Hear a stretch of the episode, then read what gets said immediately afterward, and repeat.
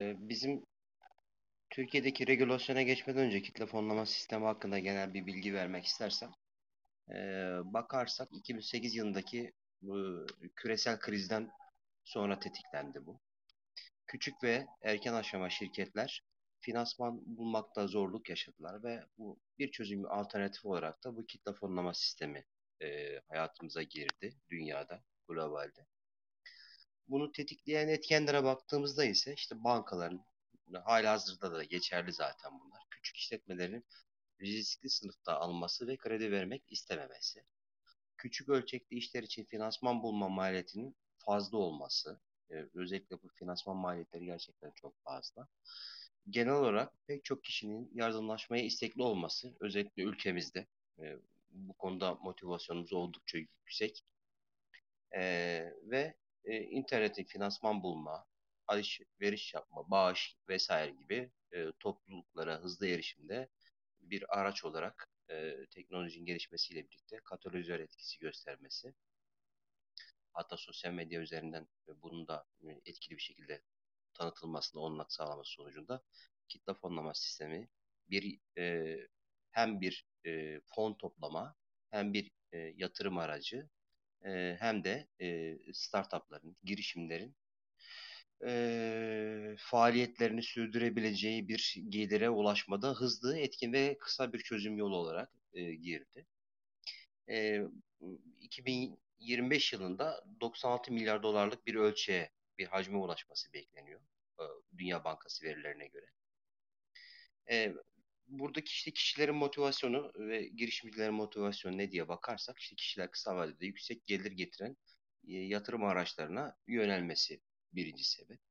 Bir de artık lüksün demokratikleşmesi dediğimiz e, artık bu lükse erişimde e, tabana yayılma ve bu tabana tabandan daha doğrusu lükse erişme isteği kitle fonlama sistemini tetikledi.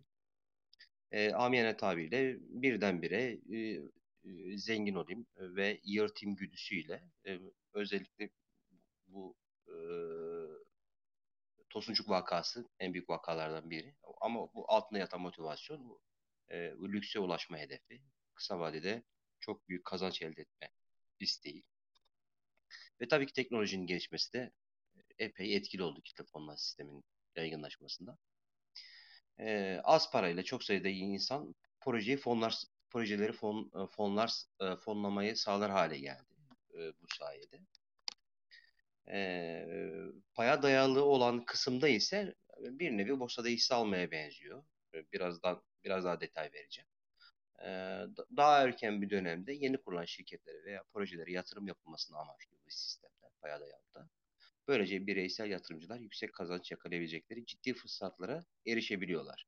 Tabii ki bunu e, bütün e, girişimler e, sonunda bir karlılık sağlayacak diye bir kural yok ama e, tabii bu bir risk ve bu riski e, göze göz önüne alınarak e, bu yatırımlar kitle fonlama sistemi ve platformlar üzerinden yatırımcılar tarafından yapılıyor. Tabii o risklere ilişkin uyarılar da yapılıyor.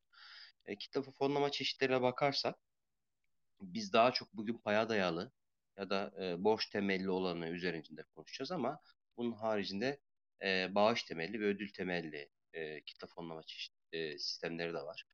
E, bağış temelli ve ödül temelli olanlar için bir regülasyon kuruluşundan izin almaya gerek yok. Halihazırda zaten hem Türkiye'de hem de globalde e, bir regülasyon kuruluşundan izin almadan bu e, faaliyetleri yürütebiliyorlardı. E, genellikle sosyal sorumluluk ve yardım projelerinde e, öne çıkan bir şeydi bağış temelli olan. E, burada kullanıcılar internet aracıyla seçtiği e, bir şeye, projeye e, yatırım yapmak, yatırım diyorum, bağış yapmakta.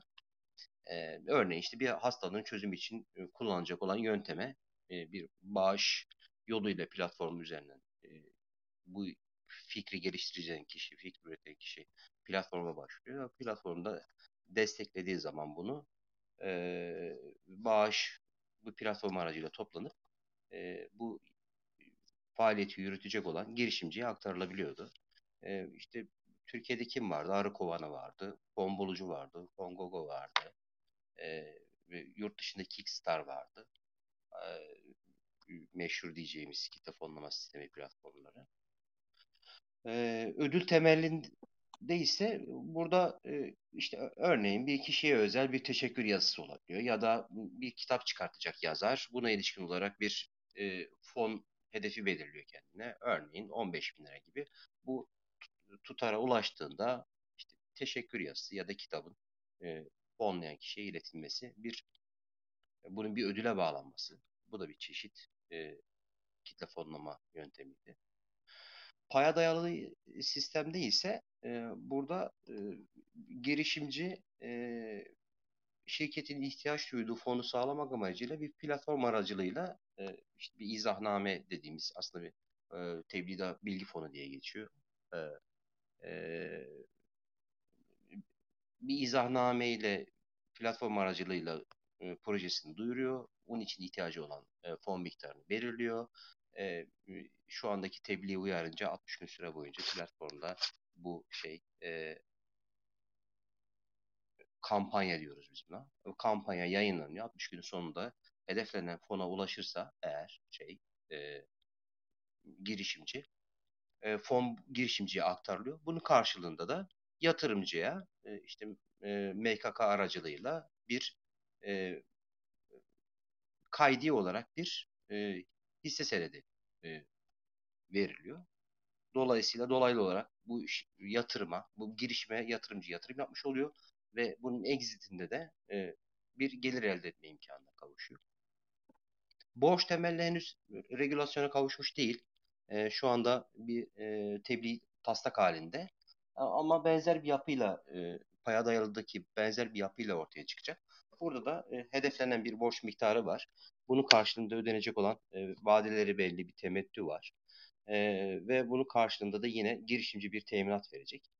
E, fon toplandığında e, girişimciye bu borç aktarılacak ve belirlenen temettülerde vadelerine göre e, yatırımcıya ödenecek şekilde bir kurgu kurgulanmış.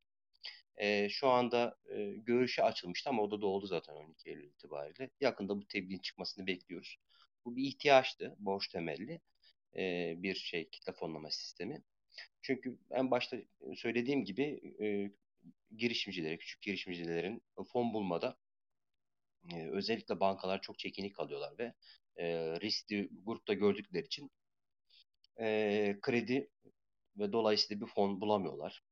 E, genelde e, girişimciler ne yapıyor? Yani paya dayalı bir, borçlanma yöntemine gitmek istediklerinde ya da e, borç temelli bir borç bularak girişimlerini e, harekete geçirmek istediklerinde ya bir melek yatırımcıya gidiyor ya da işte e, bu işlere girişime e, girişimlere yatırım yapmaya hevesli organizasyonların kapısını aşındırarak bir e, kendilerine fon sağlamaya çalışıyorlar. E, kitle fonlama sisteminin e, avantajı ne? İşte bu e, platforma başvuracak girişimci e, taşıması gereken belli kriterler ve şartlar var tebliğ uyarınca belirlenen. O şartları sağlarsa platform zaten e, bu girişimciye fon toplama olanağını sağlayacak. Dolayısıyla bankalar gibi, melek yatırımcılar gibi ya da diğer yatırımcılar gibi e, kişilere başvurmak yerine kitle fonlama sistemi üzerinden daha çok kitleye e, erişerek fon toplamayı başarabilecek. E, kitle fonlama e, sistemin ve kitle fonlama platformlarının en büyük şeyi faydası bu. E, bu kitle fonlama ekosisteminde baktığımız zaman aktörler olarak bir girişimciler var. Bunlar e, startup dediğimiz e, daha çok e, fona erişmede, daha doğrusu kaynak yaratmada güçlük çeken kişiler. Bunlar platforma başvuruyorlar ve projelerini anlatıyorlar. Orada platformlarda zaten bir yatırım komitesi var ve bu yatırım komitesi bu şey girişimcilerin projelerini değerlendiriyor ve uygun bulunanlar kabul ediliyor ve platforma dahil oluyor. Ee, bakarsak aslında şeye e, yani konu, konumuz da bugün zaten şey e, kripto varlığa nasıl hani dönüştürülebilir ve hangi alanda kripto varlığın konusu olabilir? E, girişimcilerin sağlaması gereken işte bunlar girişimciler bir şirket olmak zorunda değil. Bir, bir bireysel olarak da başvurabiliyorsunuz ama e, fon toplandıktan sonra, hedefe ulaştıktan sonra en az 90 gün içerisinde bir şirket kuruluşunu sağlamanız gerekiyor ve 30 gün içerisinde sermaye artışı yoluyla da bir e, nedir? E, bu yatırımcıların şirkete hissedar olarak katılmasını sağlamak gerekiyor. İşte bu noktada akıllı sözleşmeler pek tabii ki devreye sokulabilir e, blockchain yöntemiyle. Bunu daha önceki oturumlarda sıklıkla konuşmuştuk. E, bu, bu tabii ki bir yazılım çerçevesinde ilerliyor. E, platformların kontrol mekanizmaları var ama yine de manuel müdahaleyi gerektiren alanlar olduğunu düşünüyorum ben. E, ama akıllı sözleşmeler ve blockchain teknolojisiyle e, otomatik hale getirmek mümkün. E, işte bir bilgi formu hazırlamaları gerekiyor. E, bu zaten platformların e, hala hazırda şu anda e, Mersis'e baktım ben dün. 7 tane şey var. E, kitle fonlama platformu olarak e, ismi alıp da AŞ olarak kurulan 7 tane firma var. Bunlardan 2 tanesi şu anda SPK'dan listeye e, dahil olmuş ve e, şu anda platform olarak faaliyet gösterebilir. SPK'dan izin almış. Birisi fon bulucunun e, kurduğu site, biri de Vakıfbank'ın kurduğu e, bir şey, e, oluşum. E, bunların sitelerine girdiğim zaten bilgi formunu hazırlamak için yönlendirme var. Hani orada bilgi formunda olması gereken asgari kriterler e, belirlenmiş. Siz girip doldurabiliyorsunuz. Bu işte akıllı sözleşmesinin altında e, akıllı sözleşmesinin tabanını oluşturan veriler bunlar. E, mesela şey diyorlar, e, girişimcinin sağlaması gereken e, yatırımcılar arasında e, bir yatırımcıların alacağı paylar arasında bir imtiyaz farkı yaratılamaz. Bu tabii ki izahnameye de zaten yazıyorsunuz. E, bunu te, pek tabii ki yine bir akıllı sözleşmeyle sağlamak mümkün. E, 3 yıl boyunca pay devir yasağı var örneğin bu girişimcilerin. Yine bunu akıllı sözleşme ve blockchain ile sağlamak mümkün. E, diyor ki örneğin bu girişimciler toplanan fonları gayrimenkul yatırımda kullanamaz. En büyük kısıtlardan biri zaten bu. E, gayrimenkul üzerine bir e, girişim e, girişimci kitle fonlama sistemi üzerinden bir e, fon toplayamıyor. Yasaklardan birisi de bu. Ve aynı zamanda toplanan fonları da gayrimenkul yatırımda kullanılamayacağı görülmüş. E, burada demek oluyor ki bu e, toplanan fonun izlenmesi gerekiyor. Bunu nasıl sağlıyorlar? Bağımsız denetim ve bağımsız denetçiler aracılığıyla sağlıyorlar. Ee, onun da izlenmesi bağımsız o denetçinin kontrolüne bağlı. E, tabii bu da yine hani blockchain teknolojisiyle izlemek mümkün bu şeyleri. E, fonların kullanım yerlerini ve e, nerelerde kullanıldığına dair. Teknoloji ve üretim faaliyetinde bir şey faaliyet göstermesi gerekiyor girişimcinin bir kitle fonlama sisteminden faydalanabilmesi için. Hizmet sektöründeki bir firma buradan fon toplayamıyor. Son 5 yıl içinde kurulmuş olması gerekiyor. Tescil edilmiş bir internet zorunluluğu bulunması gerekiyor. Bu girişimciye yönelik şeyler, e, kısıtlamalar ve şartlar. E, bu işi yürütecek olan platforma bakarsak münhasıran bir kitle fonlama sistemi üzerine hani paya dayalı bir kitle fonlama ya da borçlanmaya e, dayalı bir kitle fonlama e, sistemi üzerinden bir faaliyet yürütebilecek. E, girişimci ile kitle fonlama e, platformu arasında bir sözleşme yapılması bekleniyor. E, işte bu, bu da bir blockchain teknolojisi e, yapılabilir. Bir kampanya sayfası oluşturulması isteniyor. E, e, bu, aynı zamanda bu fonların toplandığı bir emanet yetkisi var. Şu anda e, Takas Bank bu faaliyeti yürütüyor. E, orada e, bir gelir gelir beklenen gelir hedefi yakalandığında bu, paralar e, e, girişimcilere yani fon daha doğrusu girişimcilere aktarılabiliyor. E, öncelikli olarak girişimci eğer şahıs girişimci ise şirket kurması gerekiyor 90 gün içerisinde. Takip eden 30 gün içerisinde sermaye artırımı gerçekleştirmesi koşulu aranıyor. E, bunların kontrolünde e, hem MKK hem de Takas Bank birlikte yapıyorlar kontrolünü. E, bunlar da e, bizim işte geçmiş oturumlarda konuştuğumuz gibi e, pekala akıllı sözleşmeyle halledilebilir ve blockchain'e bağlanabilir. Ortaklık yapısına ilişkin şartlar var. E, ağır şartlar var. E, esas sözleşmeye ilişkin işte 1 milyon nakdi olarak ödemiş sermaye şartı var. Payların tamamı nama yazılı olması gerekiyor. Bu platform için konuşuyorum bütün bu konuştuklarımı. E, Ayrıca işte bir takım hem ortaklarda hem de yönetim kurulu üyelerinde işte müflis olmama gibi Türk Ceza Kanunu'nda belli başlı suçlar var. O suçlara ilişkin olarak da e, onları e, gerçekleştirmemiş olması gibi bir takım kişisel e, özellikler de alınıyor. İşte işin gerektiği dürüstlük ve itibara sahip olma gibi bir kriter var. Bu nasıl ölçülecekse mesela. E, e, diğer hani bu SPK suçları, Türk Ceza Kanunu'na ilişkin suçlar bunların hepsinin kontrolü ilerleyen şeyin teknolojisiyle yapmak mümkün. E, Bir risk yönetim sistemi oluşturulması bekleniyor. Ee, yine bu dışarıdan hizmet alım yöntemiyle yapılabiliyor bu şey, risk e, yönetim sistemi. Ee, yatırım komitesinin olması gerekiyor. Yönetim kurulu üyesinin olması gerekiyor. İşte e, yönetim kurulu yatırım komitesi yönetim kurulu tarafından belirleniyor. Minimum 3 üye olması gerekiyor. Burada da bir takım şartlar var. Ee, işte en az işte bir SPK piyasası faaliyetleri düzey 3 lisansına sahip olması gereken bir üyenin bulunması gerekiyor örneğin. Tıpkı e, geçen hafta konuştuğumuz işe alımlardaki gibi burada da bu kontroller blockchain teknolojisiyle yapmak mümkün.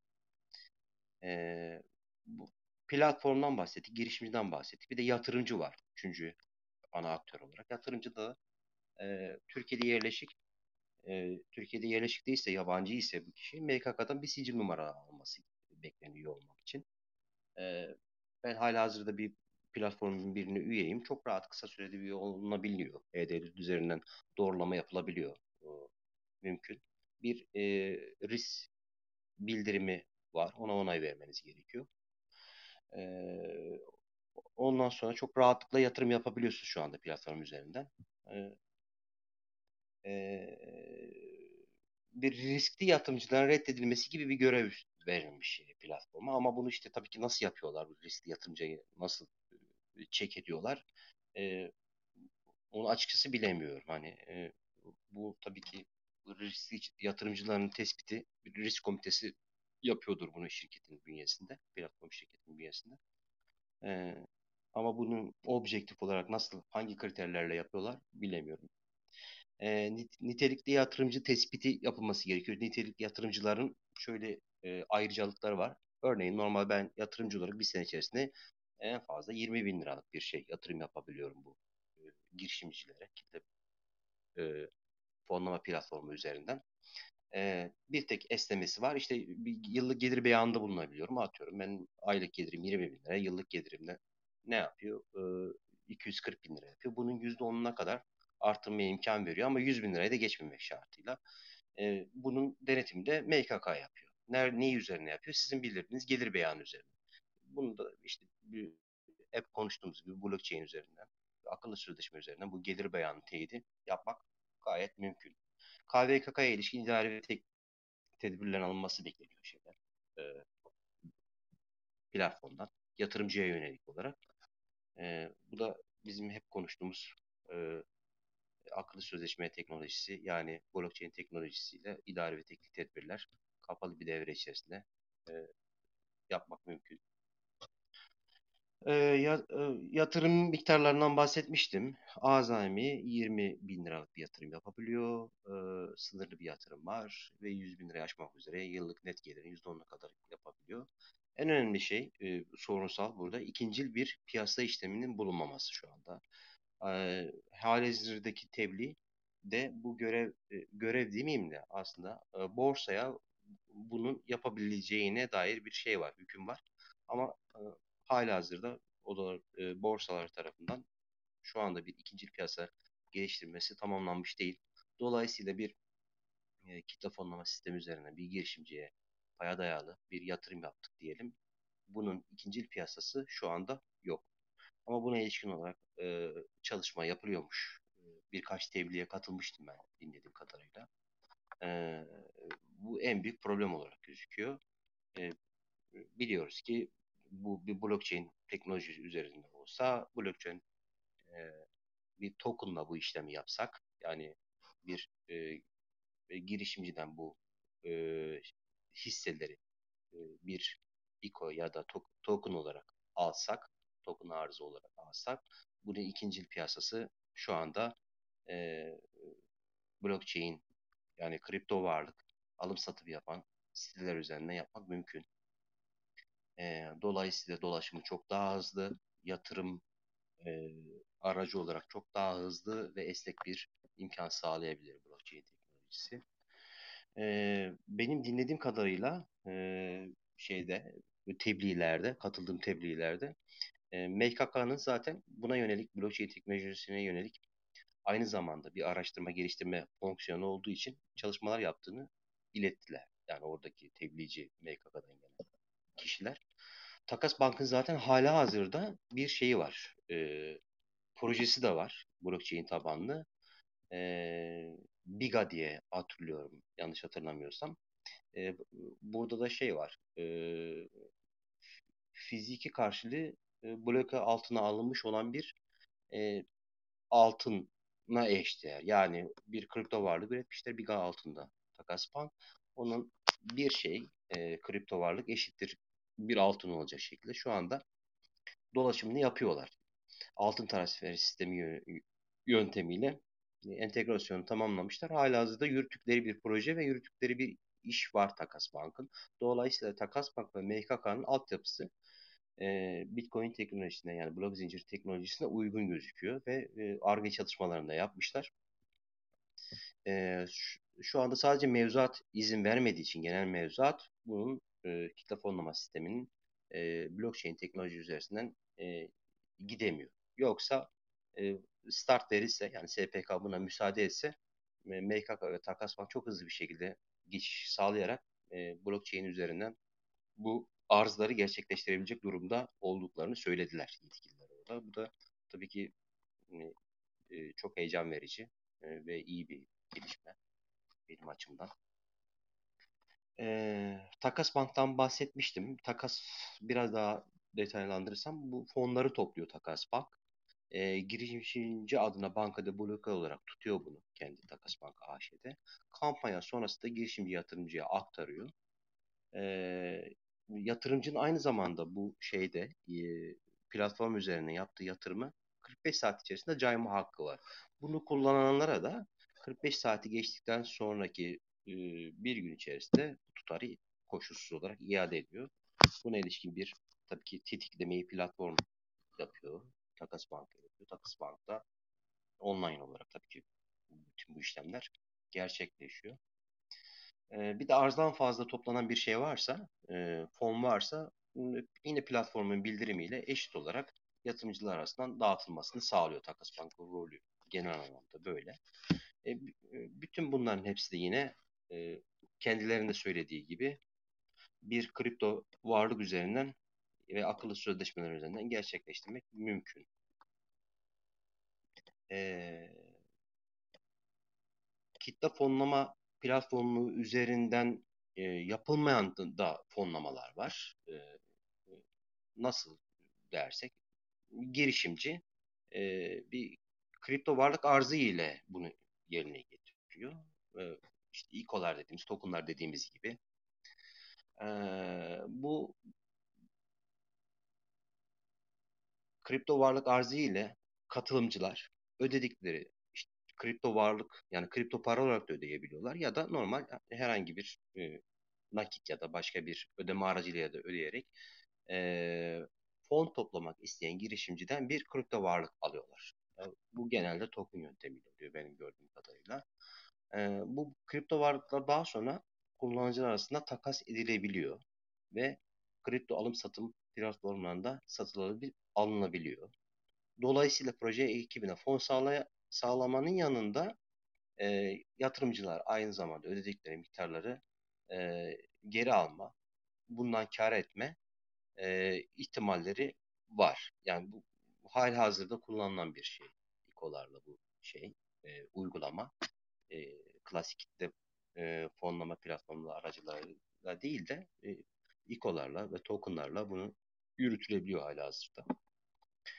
E, ancak bu projeler için üretilen e, ve arz edilen kripto varlıklar sadece kazanç elde etmek için fonksiyonunda görmüyor. E, katılımcılara dağıtılan kripto varlıklar ürün ya da servise imtiyazlı erişim, ücretsiz ya da daha uygun fiyata kullanım avantajları sunmanın yanı sıra işte e, geçen oturumlarda konuştuğumuz gibi taraftar tokenlarına benzer bir nevi. E, proje şirketlerinde ortaklık ve hak sahipliği gibi başka fonksiyonları da yerine getiriyor. Bir nevi işte paya dayalı şey gibi. Hmm, kitle fonlama gibi. Platform aracılığıyla değil de blockchain aracılığıyla yapıyorsun.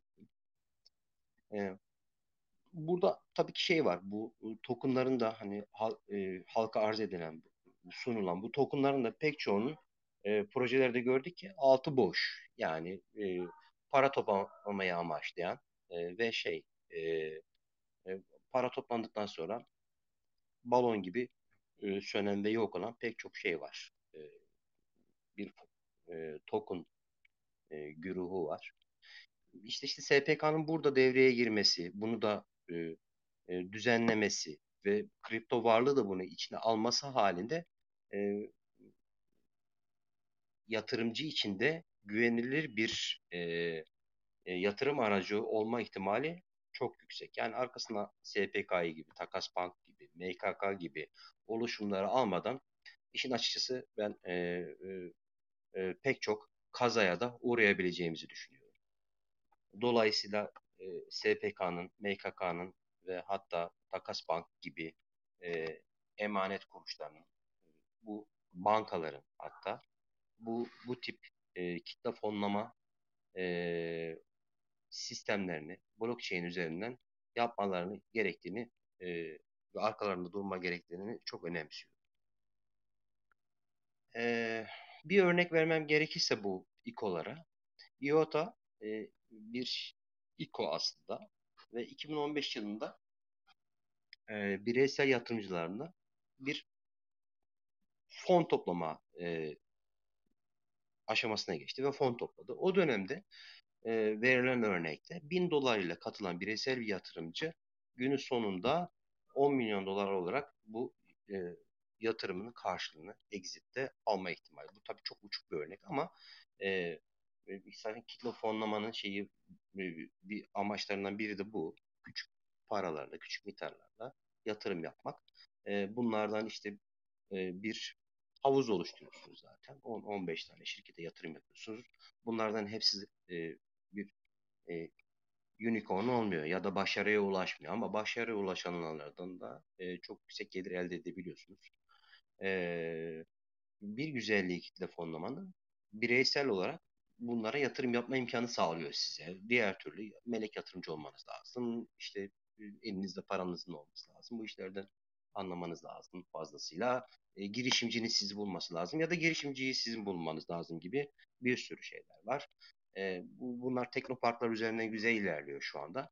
E, e, fakat teknoparklara erişim olmayan, bu işlerden çok fazla anlamayan ortalama hani e, tüketici dediğimiz kesim kitle formu fonlama sistemi üzerindeki izahnameleri okuyarak, oradaki raporları okuyarak e,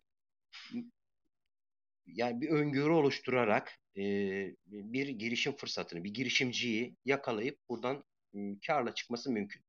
Tabi burada tek birine yüklenmemek ve dağınık olarak bir e, portföy oluşturarak ilerlemek e, riski dağıtma açısından hep öneriliyor. Benim önerim değil de daha çok platform kurucuların önerisi bu yönde. Benim aktaracaklarım şimdilik bu kadar. Sorularınız olsa memnuniyetle. Teşekkür, teşekkürler Adem Bey. Aslında genel olarak kitle fonlaması hakkında bir hayli detaylı bilgiler verdiniz. Bir yönüyle e, taslak tebliği de e, özetlemiş oldunuz. Evet. E, Murat Bey, Seçkin Bey sizin ekleyeceğiniz veya söyleyeceğiniz şeyler varsa buyurun. Merhaba, iyi akşamlar. Mustafa Bey, Adem Bey, elinize ağzınıza sağlık. Ee, çalışmalar, bu, da diğerleri gibi benim böyle bilgisayarımda onlarca e, Safari ve Google tarayıcıları açtı şimdiden. Tebliğ hakkında çok fazla bilgim yoktu. O yüzden tekrar ağzı sağlık Adem Bey. Adem Bey'in anlattıklarından küçük bir sorum olacak ama şimdi e, akıllı sözleşmeleri e, kitle fonlamasında kullanırken yatırımcı var dedik, girişimci var dedik, platform var dedik. Evet. Peki bir yatırımcı gözünden bakarsak eğer, yatırımcının burada şöyle bir sorunu da ortadan kaldırıyor mu? Yani ben bir girişimi, kendimce beğendiğim teknolojik bir girişim olan işte bir geleceğe yönelik bir varsayımı olan bir girişime yatırım yapacağım. Ama örneğin yatırımın karşılığını örneğin işte ilk fatura kesildikten sonra örneğin e, almaya başlayacağım ya da işte e, toplam fatura miktarı şunun üzerine geçtiği zaman almaya başlayacağım dediğim zaman aslında buraya kadar bir akıllı sözleşme kullanmamız şart değil. Bu karşılıklı sözleşmelerle yapılabilecek bir şey. O zaman burada hani e, yatırdığım parayı ben ne zaman geri almaya başlayabilirim konusunda Bey, akıllı ses sözleşmeler... bağlantınızda bir problem var. Evet son Öyle iki mi? cümleden tekrar alalım. Bir de bağlantınızı kontrol ederseniz.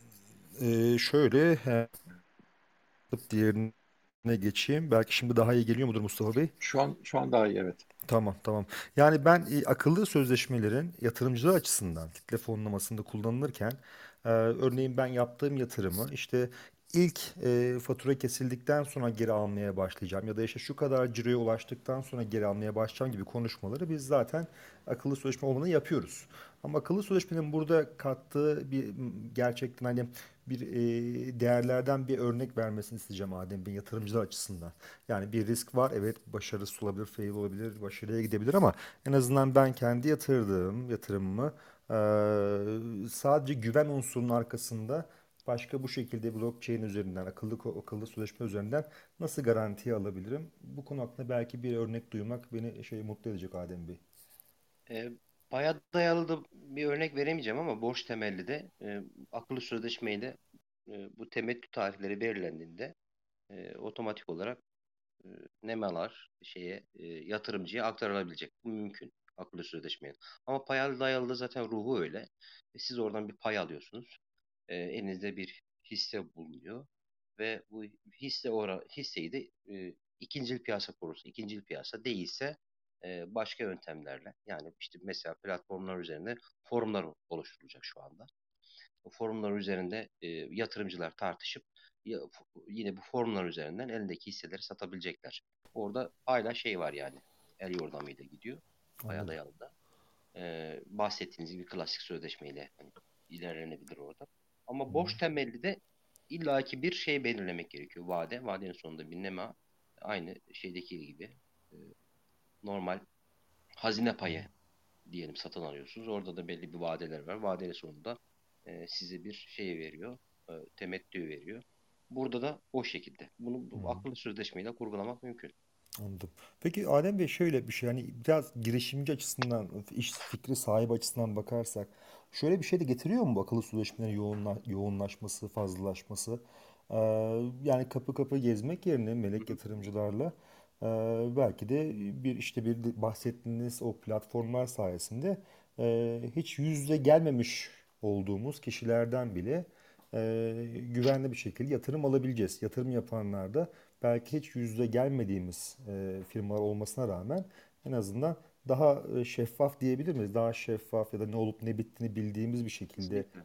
Yatırım yapabileceğiz. Bu da o zaman ekosistemde özellikle teknoparklardan bahsettiniz. Ben mesela son zamanlarda hep böyle oyunlar, oyun gelişimcileri, Evet. geliştiricilerine bakıyorum. Orada o zaman büyük bir fırsat var o zaman. Yani çünkü bu oyun gelişimi, e, Aynen. oyun geliştiricileri e, yani biliyoruz yıllardır böyle beş on tane emlak yatırımcı aile görüşmeye devam ediyorlar. Ama bu sistem o zaman hayata geçtiği zaman e, hiç dediğin gibi görüşmediği, bundan sonra belki hiç görüşmeyeceği e, birilerinden yatırım alacak ve o şekilde büyütebilecek anladığım kadarıyla. Tabii tabii. Zaten e, ana amacı bu. Yani bu girişimciler kapı kapı dolaşmasınlar. Bir platforma başvursunlar. Platformda bize yatırım komitesi var.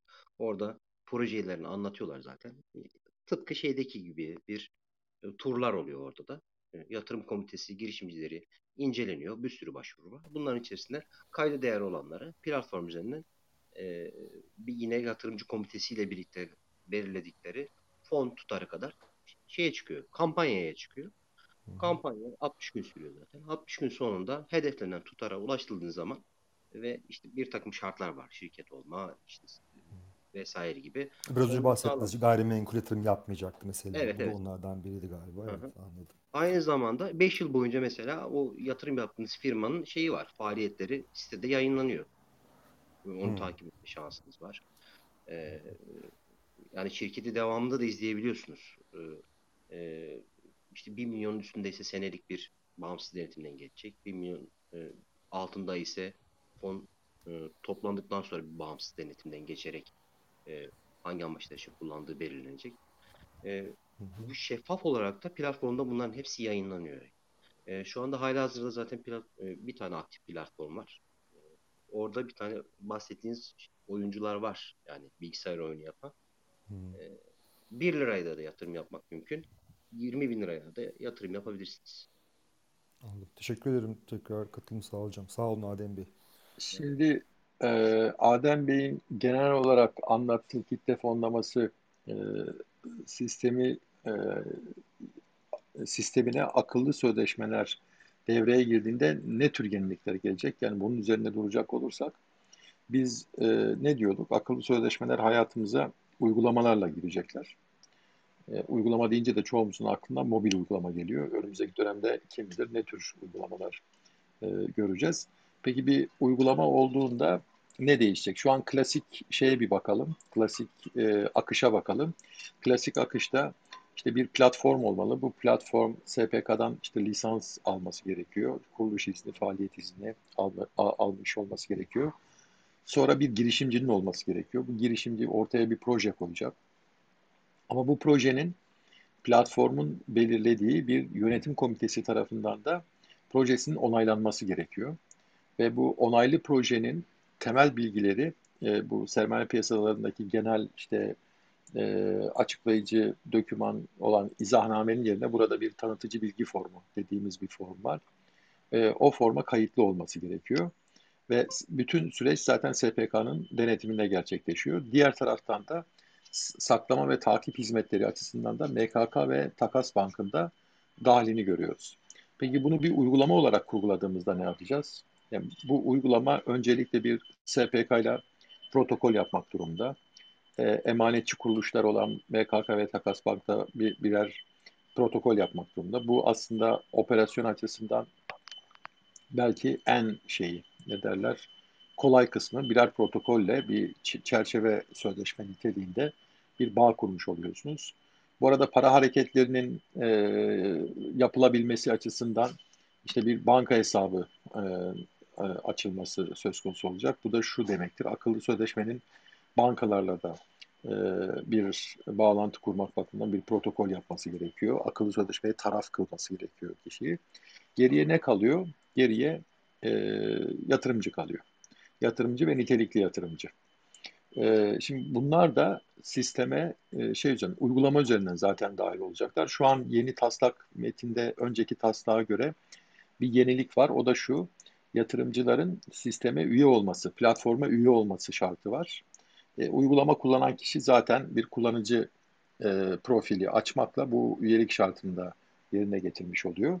Peki akışta e, süreçte neler olacak? Mesela diyelim ki siz tanıtıcı bilgi formunda Murat Bey'in değindiği tarzda diyelim bir borçlandırmaya dayalı bir e, e, projeden e, bahsediyorsak, e, bir kitle fonlamasından bahsediyorsak, e, işte e, örneğin 1 milyon dolara brüt gelirler ulaştığında temettü dağıtmaya başlayacak. Temettüler yıllık veya 3 aylık olacak. Neyse bu kurallar zaten belirgin olacak. Ee, uygulama blockchain tabanlı. Biz hep zaten hani akıllı sözleşme derken ara ara hep böyle hatırlatma gereği duyuyorum. Blockchain tabanlı olanlardan bahsediyoruz. Bu blockchain tabanlı olarak işleyeceği ve Takas Bank ve MKK verileri de blockchain üzerinde tutulduğu için zaten aslında manuel haliyle de şu an yürüyen sistemde bir güven e, unsuru var. Yani nedir? İşin içinde bir SPK var, işin içinde MKK ve Takas Bank var. O güven unsuru var. E, fakat e, verilere ulaşma noktasında yani örneğin e, işte borçlandırma bilgileri veya bir paya dayalı bir kitle fonlamasıysa işte paya dair bilgiler, e, projenin performansı vesaire e, bütün bunları gerçek zamanlı olarak siz uygulamadan izleyebilir olacaksınız. Günü gününe izleyebilir olacaksınız. Veri girişine bağlı olarak yani belki saat başı yapılan bazı ölçümler varsa e, biliyorsunuz şeyler teknoloji ve e, üretim konulu projeler kitle fonlamasından yararlanabiliyorlar yani tebliğe göre. Diyelim teknoloji konulu bir şey, diyelim bir oyun. Bir oyun e, projesi var ve o oyunun örneğin işte kaç tane kullanıcısının olduğu, ne kadar token harcandığı, ne kadar gelir elde ettiği, e, veri girişine, veri paylaşımına bağlı olarak gerçek zamanlı olarak izleme şansına sahip olacaksınız. E, dolayısıyla e, manuel ortamda örneğin kişi ne yapabiliyor? Şunu yapıyor. Bir işte platforma üye, o platform üzerinden zaten bir e, projeye yatırımda bulunuyor ve o platformdaki duyurularla sınırlı olarak. O duyuruları da bilemiyorum. Hani işte haftalık mı yapıyorlar, aylık mı, üç aylık mı veya belli verileri farklı periyotlarda paylaşıyor olabilirler.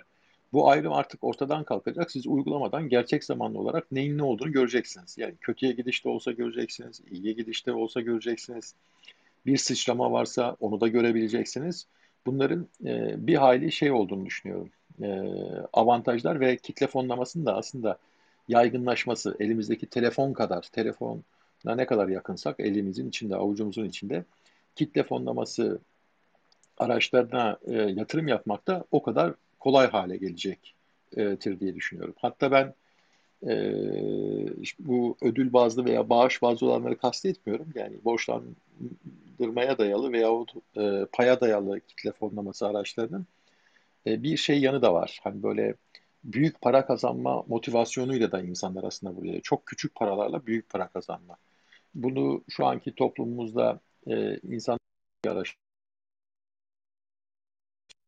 şeyle yapabiliyorlar. Bu milli piyango. Yani milli piyangoya insanlar niye gidiyor? Aslında ben baktığımda milli piyango istatistik olarak kaybetmeye mahkum olduğunuz bir araç. Çünkü baştan zaten açıklıyorlar. Yani piyango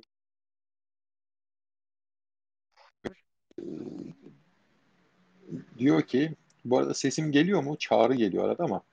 Adem Bey geliyor mu sesim? Ara sıra kesiliyor ama çok kısa. Anladım.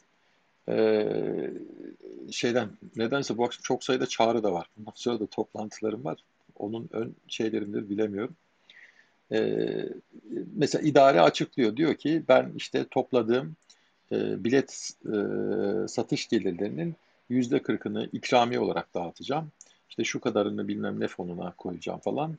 E, gerisi de işte gelir olarak kalacak. Yani idareye kalacak. Bu ne demektir aslında? Yani siz 10 lira veya 100 lira harcıyorsanız aslında sizin gerçek kazanma şeyiniz yüzde 40. Yani 10 liranız zaten 6 lirasından ilk günden vazgeçiyorsunuz. İstatistiksel açıdan vazgeçiyorsunuz. E, dolayısıyla e, insanların hani küçük paralar bir milli piyango gibi bir mekanizma içerisinde e, ilk günden kaybedilmiş bir şey e, e, girişim diyebiliriz. İstatistik kesinlik diye de bir kavram var biliyorsunuz. Yani tek tek birel işlemlerde belki e, işte o kaybı falan göremeyebilirsiniz. Ama netice itibariyle bir ortalamayı bahsediyor ve siz diyelim ki 100 kere, 1000 kere aynı işi yaptığınızda hangi ortalamayla e, e, ne kadar kazanabileceğinizi de aslında biliyorsunuz. Dolayısıyla matematiksel açıdan e, kaybetmeye mahkum bir oyun oynuyorsunuz. Belki onun heyecanlı tadını yaşamak istiyorsunuz. Ama kitle fonlamasında böyle değil. Hani burada belki zaman içerisinde şu an varsa da bilmiyorum ben. Ülkemizde de çok yaygın değil. E, kitle fonlamasıyla fonlanan projelerin yüzde kaçının işte başarılı olduğu veya ortalama ne kadar gelir getirdiklerine dair bir veri ben bilmiyorum. Ama bu yaygınlaştıkça bu tür verilere de ihtiyaç olacak, çıkacak. Orada da bir istatistik e, kesinlik konusunda bir elimizde bir veri olacak. Ama burada en azından şöyle bir şey var. İçi dolu e, bir e, işte kamu kuruluşu tarafından denetlenen bir yönetim komitesinin arkasında olduğu, bir nevi aletinin olduğu bir süreçten bahsediyoruz. Yani o bileti gibi daha ilk aldığınız anda kaybetmeye mahkum olduğunuz bir araçtan bahsetmiyoruz. Ha diğer yandan diyelim 1 milyon dolar bir fon toplayarak başlamış bir oyun projesinden bahsettik ve siz kalktınız onu 1 milyar dolara sattınız 3 sene sonra. E, ne oldu? E, sizin orada diyelim ki işte 100 liralık bir yatırım yaptınız veya 1000 liralık bir yatırım yaptınız. Birdenbire 1000 katı, yerine göre 10 bin katı kazanma şansınız oluyor. Ve e, şeyde de gerçi vergi tarafı da eksik ama büyük bir ihtimalle buna e, vergi istisnaları da gelecektir diye düşünüyorum. Bir edebildiniz ama ben bu tebliğe eşlik edecek bir vergi düzenlemesi falan görmedim e, açıkçası ama büyük bir ihtimalle oradan elde edilecek e, bir gayrimenkul yatırım fonlarında olduğu gibi yani sermaye piyasası araçları çünkü hep özendirilir. Vergiden de bağışık olacaktır. Evet. Dolayısıyla aslında insanlar e, küçük paralarla hani kaybettiğinde de çok onu sarsmayacak, çok da üzerinde durmayacak e, e, miktarlarla çok büyük miktarda para kazanma e, yönünde bir şeye, bir mecraya girmiş olacaklar. Bu bir, bir yanıyla milli piyangodaki o hazzı yani yani siz buna kumar da diyebilirsiniz, başka bir şey de diyebilirsiniz. E, oradan aldığınız hazzı size daha meşru ve en azından istatistik olarak kaybetmeye mahkum olmadığınız başka bir mecrada vermiş olacak. Diğer taraftan mali açıdan da tutan projeler itibariyle e, işte getiri sağlayan e, ama aynı zamanda da en az vergilendirilen bir geliriniz e, söz konusu olacak. Ben bütün bunları bir arada düşündüğüm zaman yani avucunuzun içindeki telefonun içindeki uygulamayla gelecek ve bütünleşik olarak ve gerçek zamanlı olarak verileri ve bilgileri e, görebildiğiniz bir uygulama içerisinde bu sisteme giriş yaptığınızda bunu çok düşünüyorum. E, bu, bu Türkiye bazında konuşursak bu taslak tebliğinde işte platformlarla ilgili daha detaylı düzenleme yapması e, ve dayalı e, kitle fonlaması ile sınırlıydı. Şimdi borçlanmaya dayalı olanı da düzenlemiş olması bir yaygınlık kazandıracağını düşünüyorum ama ne zamanki akıllı sözleşmeler devreye girerse aslında içerisinde işte o zaman e, daha yoğun bir şekilde kitle fonlamasının gireceğini düşünüyorum. Hatta şöyle bir şey olacaktır. Yani kişiler diyelim ki aylık kenara koyacağı bir para, serbest tasarruf edeceği bir para, herkesin kendi bütçesine göre bin lira, on bin lira neyse e, paralarla birden fazla uygulamasıyla da o projelerin gidişatlarını takip edecekler. E, bu da güzel bir şey yani e, bir de şu an mesela ne yapıyorsunuz? Bir platforma üye oluyorsunuz. Platformda yapılan duyurularla sınırlı olarak ve belli şeyleri teyit etmek istediğinizde de SPK'nın sitesine gidip veya Takas Bank'tan size tanınan e, kullanıcı hesabını kullanıp varlıklarınızı oradan kontrol etme şansınız oluyor. Ama düşünün bütün bunların tek bir uygulama içinde olduğunu. Aklınıza bir şey mi takıldı? Gidip anında bakabiliyorsunuz. Ee, blockchain tabanlı akıllı sözleşmelerin bir avantajı da şuydu. Alabildiğine log bilgisi ve gerçek güvenilir log bilgisine ulaşabiliyorsunuz. Yani o projenin gidişatı hatta hatta e, yatırımcı komitesinde diyorlar ya bir anlamda yatırımcı komitesinde yer alan üyelerin işte hangi projelerde işte yatırımcı komitelerinde yer aldıkları, ne tür alanlarda çalıştıkları bunların hepsi çünkü kefil e, e, gücüne de aslında şey delil teşkil ediyor. Bütün bunları da siz tek bir uygulama içerisinden görebilme şansınız oluyor. Dolayısıyla e, kullanışlı, e, karışık olmayan e, ve şeyde zaten öyledir hani bu masa alanında da böyledir. Küçük yatırımcı ile ilgili yapılacak düzenlemelerde de bu akıllı sözleşmelerin ekranlarının dahi denetleneceğini ve orada yazılı olan şeylerin günlük anlaşılır dilde olacağını düşünüyorum. Yani o yüzdendir ki zaten mesela e, bir e, projeye ilişkin bir izahname demiyor SPK, tanıtıcı bilgi formu diyor. Çok daha basit, işte e, kilometre taşlarını tanıtacak. Eğer bir temettü sistemi öngörüyorsa, borçlandırmaya dayalı bir e, kitle söz konusuysa işte temettü ödemelerinin nasıl olacağı, işte alt sınırlar, üst sınırlar falan bunların çok anlaşılır bir dilde o uygulama içinde yer alacağını düşünüyorum. Dolayısıyla kişiler de haklarını falan çok kendi anlayacakları bir hukukçu olmaya falan gerek kalmadan anlayabilecekleri e, e bir şekilde sisteme dahil olacaklarını düşünüyorum. E, ve baktığınızda da aslında bir e, kayıt izleme sistemi de o, o olay bu akıllı sözleşmelerin belki de en yaygın gireceği. Hani bana göre bir tapu kütüğü vesaire bu tür verileri blockchain'e aktarmak sözleşme üzerinden de mülkiyet devri ve sair işte hakların e, e, devrini, tescilini falan şey yapmak kolay ama orada önceki oturumlarda konuşmuştuk kamunun buralarda belli rezervleri, çekinceleri olabilir. Ama burada ben o rezerv ve çekincelerin de işte SPK ile Takas Bank ve MKK ile yapılacak olan protokoller çerçevesinde e, giderileceğini de düşündüğümden e, daha kolay uygulama uygulamaya geçmesi ve yaygınlaşmasının daha da kolay olacağını düşünüyorum açıkçası. Evet, söz almak isteyenler varsa arkadaşlar buyurabilirler. Hocam ben de e, şunu söyleyecektim de e, eğer SPK yani devlet kurumları bu işi blok zincirle yapabilselerdi e, bir e, Japon ev hanımı da buradan gayet kolay hisse alıp yatırımcı olabilecekti. Yani pazarı acayip genişletebiliyorsunuz bu sayede. Şimdi ben de girdim fon bulucu ama e-devlet şifrem olması gerekiyor ve MKK'da bir e, kod veriyor galiba bana. Bir sicil gibi bir şey veriyor. Hı hı, Hani hı. bir yurt dışına yaşayan bir vatandaşın yani bir insanın bunu alması çok kolay değil. Ee, benim de kendi şeyim e, her çıkan fona şey girişimciye ben 100 TL mesela yatırım yapıyorum. Yani benim bütçem o kadar. Ee, hem riskimi yaymış oluyorum. Şimdiden başladım. Ne çıkarsa 100 lira 100 lira alıyorum. Kenara atıyorum. Ee, şey gibi düşünüyorum. Bireysel emeklilik sistemi gibi. Alıp alıp koyuyorum kenara. Yani bunda tüm dünyada buraya adapte olup e, kaynak aktaran insanları yaratırsak o zaman işin rengi çok değişir gibime geliyor. E, kesinlikle öyle. Bir de aslında bir konuya daha değinmiş oldunuz. Bu taslakta şey de var. Yurt dışındaki e, kitle fonlaması e, platformlarının e, Türkiye'de faaliyetine ilişkin de düzenleme var. Esas itibariyle yurt dışındaki e, kitle fonlaması projelerinin bu tebliğ kapsamında olmayacağı söyleniyor. Ama nereye kadar? E, Türkiye'deki kişilere ulaştıkları takdirde bu tebliğin hükümlerine uymak zorunda olacaklar diyorlar. Şimdi e, konuya böyle yaklaştığınızda aslında bu akıllı sözleşmeler bunu da kolaylaştıracak. Niye? Çünkü akıllı sözleşmeyle kurgulanmış, dizayn edilmiş bir kitle fonlaması bir kere SPK'dan onay aldıktan sonra oradaki hani uygulamanın kendisi zaten platform görevi görecek diyorum ya. Bir kere aldıktan sonra dolayısıyla Japonya'daki ev hanımının da e, hiçbir tereddütü olmayacak. Yani SPK'nın onayları emanetçi kuruluşlar, işte blockchain tabanlı olması vesaire.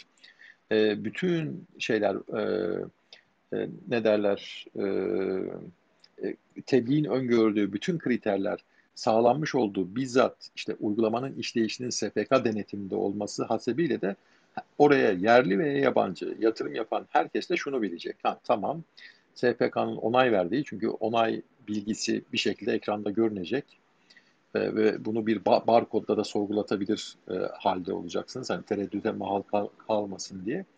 E, dolayısıyla da aslında çok geniş, global ölçekte de siz yatırımcı çekebileceksiniz. Böyle bir kolaylık da sağlayacak. Çünkü sisteme sadece üye olmanız, hani Seçkin Bey söyledi ya, gelip takas bankta hesap açması, şunu yapması, bunu yapması zordur. Siz zaten akıllı sözleşmeye taraf olduğunuz anda onların hepsi bir şekilde e, karşılanmış olacak. Hocam yani kişinin ayrıca bir şey yapmasına şey, gerek kalmayacak. Siz yani. söyleyince bende de açı şey oldu da mesela girişimcinin de Türk olmasını beklemeyebiliriz. Yani bu ülkeye kaynak girişini de biraz kolaylaştırabilir tahmin ediyorum. Yani ha, bir kesinlikle. yabancı yatırımcı, bir yabancı girişimci de olabilir. Bu, bu ağı oluşturduktan sonra gayet güzel para da çekilebilir ülkeye.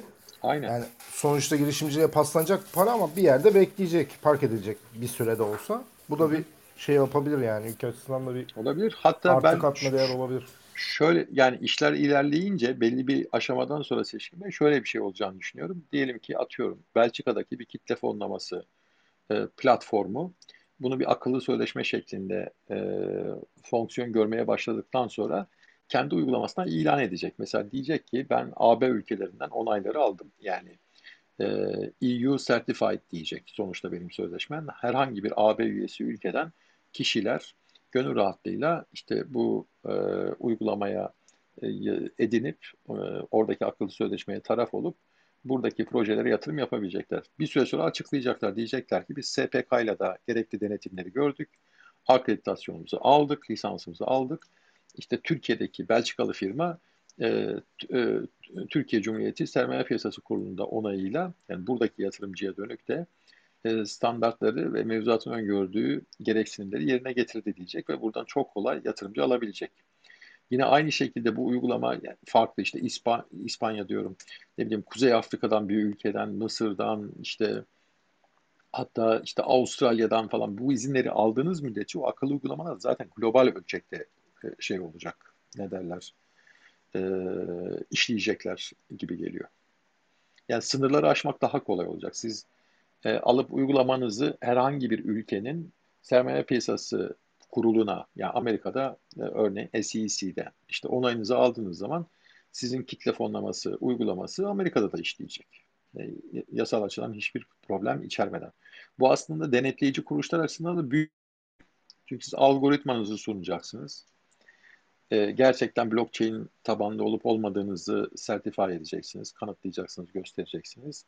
Onun mevzuatındaki işte e, gereksinimleri nasıl yerine getirdiğine dair işte bir checklist üzerinden e, kendinizi ibraz edeceksiniz ve onayınızı alacaksınız. İşler daha kolay yürüyecek. Yani manuel olana e, nazaran daha kolay yürüyecek diye düşünüyorum ben. Ve veri paylaşımı da şey üzerinden gerçek zamanlı olarak sürekli olacağı için denetim fonksiyonuna da e, büyük faydası olacaktır diye düşünüyorum. Bir şey mi diyecektiniz siz şimdi? Aynen kesinlikle katılıyorum hocam. Nakit akışını da mesela anlık olarak görebiliriz bu sayede de. Eğer Aynen. bir token verebilirsek veya farklı bir çözüm olursa dijital para da olabilir. Aynen. Firmaların Bir de şey nakit zor değil. Geleni gideni. mesela- Kesinlikle. Mesela diyelim ki ben girdim e, kitle fonlaması araçlarından İrlanda'dan, Amerika'dan, Avustralya'dan, Hindistan'dan işte projelere yatırım yaptım. Küçük küçük rakamlarla.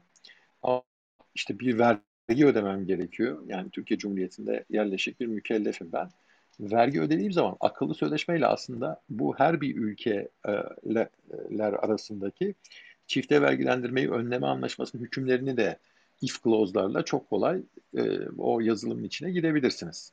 Dolayısıyla Türkiye'nin mesela Hindistan'da olan çifte vergilendirmeyi önleme anlaşması çerçevesinde benim orada ödeyeceğim şey burada ödeyeceğim vergiden kendiliğinden anında düşecek.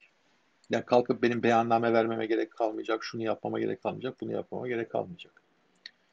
Yani istisna dahi olsa yani şeyden e, istisnalar dahi aslında komünike edilmiş olacak. Diyelim ki e, Türkiye'de günün birinde istisna değil düşük bir oran var. Başka yerde istisna. işte bir mahsup işlemi yapılmayacak.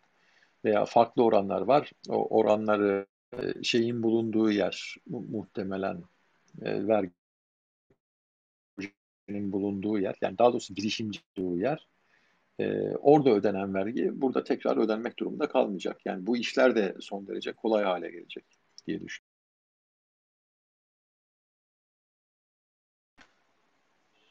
Evet, aşağıdan da söz alan yok. Yok. Konu çok net. O zaman Adem Bey fazla fazla iyi anlattınız gibi geliyor. Diğer oturumlarda daha fazla soru geliyordu. Evet. Bir saatimizi de doldurduk. Dilerseniz burada kapatabiliriz.